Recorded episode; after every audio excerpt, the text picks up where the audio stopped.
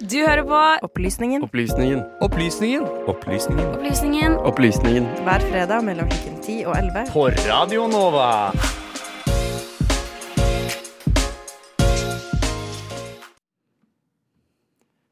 Lørdag i forrige uke så fikk vi den dramatiske meldingen om at det hadde brutt ut eh, harde kamper i eh, Sudan mellom rivaliserende militære styrker.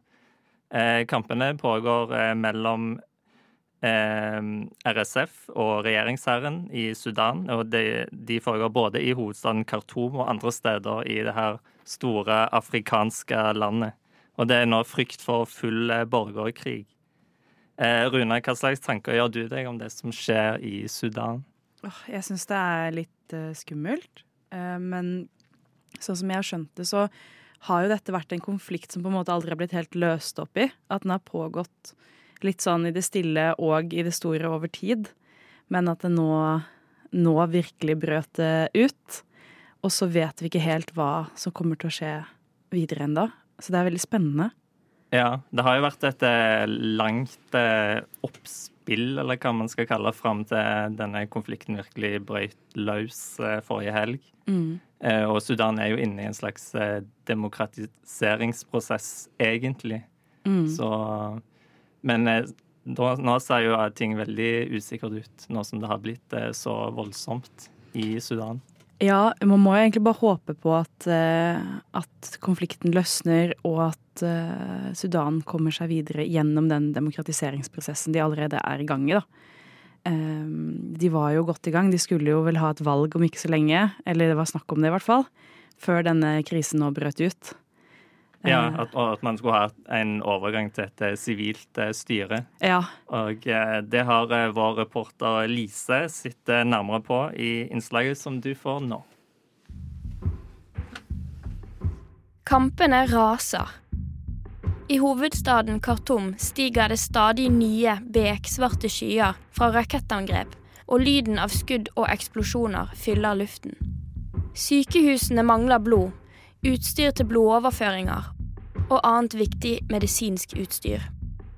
Flyplassen er rasert, og WHO meldte på tirsdag at over 270 sivile er døde. Hvordan har Sudan endt opp med en så blodig konflikt i landet? La oss starte med å gjøre det klart hva det er som egentlig skjer i Sudan.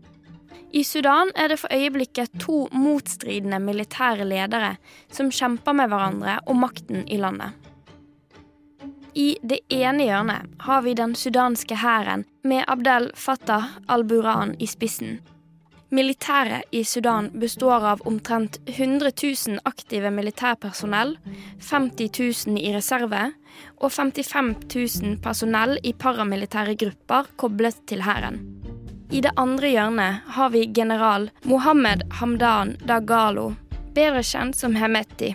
Han er leder for den største paramilitære gruppen i Sudan, kalt Rapid Support Forces, eller RSF. RSF er i stor grad bestående av en sikkerhetsmilis som ble brukt av tidligere president i Sudan, Omar al-Bashir, til å slå ned på et opprør i regionen Daruf i 2003. I denne perioden er RSF anklaget for å ha begått krigsforbrytelser mot opprørerne i Daruf-regionen. Gruppen sitter på mye penger og makt, og ifølge Al Jazeera er det rundt 100 000 medlemmer. Hemeti og Al-Buran representerer to forskjellige sider i Sudan sitt militærregime, men disse to har ikke alltid kjempet mot hverandre. Tidligere var de allierte og kjempet for samme sak. For fire år siden, i april 2019, gikk Hemeti og RSF og Al-Buran med Sudan sin hær sammen om et militærkupp som førte til at tidligere president Omar al-Bashir ble veltet av makten i Sudan etter å ha holdt på han i 30 år. Militærkuppet kom etter flere måneder med demonstrasjoner i hovedstaden Khartoum. Men demonstrantene de var ikke fornøyde. De ønsket en sivil regjering, ikke et militærregime. Etter flere måneder med demonstrasjoner ble det inngått en maktdelingsavtale mellom de sivile og det militære. Det ble planlagt å holde demokratiske valg i 2023.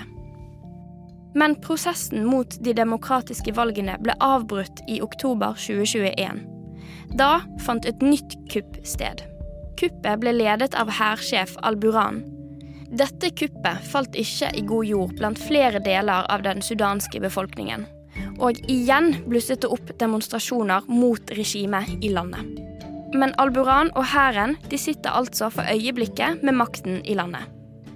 Siden 2019 har dessuten rivaliseringen mellom militærleder Al-Buran og RSF-leder Hemeti styrket seg.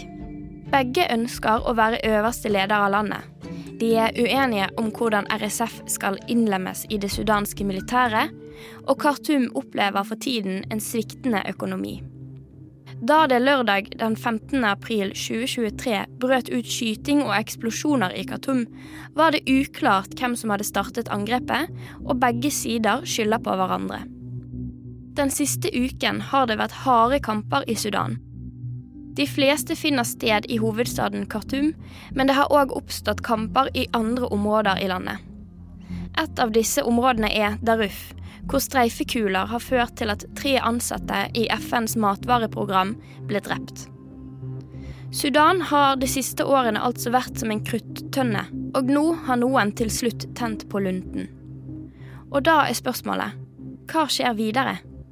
En mulig utfordring fremover skulle være om andre land ender opp med å støtte hver sin leder. Det blir som å helle bensin på bålet.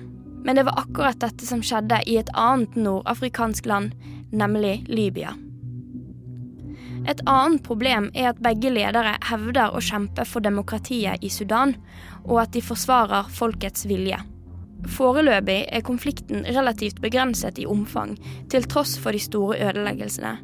Men den store frykten er at kanskje kan det gå mot en fullskala borgerkrig. Al-Jazeera forteller oss at ettersom begge sidene har sterke motiver til å fortsette kampene, er det usannsynlig at de kommer til forhandlingsbordet uten at én eller begge sider har lidd store tap.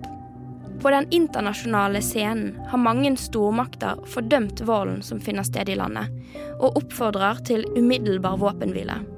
Blant disse stormaktene finner vi USA, Russland, EU, Egypt, Saudi-Arabia, Kina og Den afrikanske union. Håpet er at økende internasjonalt press om fredsforhandlinger vil føre til en raskere nedtrapping av konflikten. Det har på ulike tidspunkt den siste uken oppstått forsøk på våpenhvile, men denne våpenhvilen har blitt brutt minutter etter at den ble inngått. Konflikten som nå pågår i Sudan er komplisert, og fortsatt relativt fersk. Hvordan løpet blir videre, det er fortsatt usikkert. Vi her i Opplysningen vil uansett følge nøye med i tiden framover.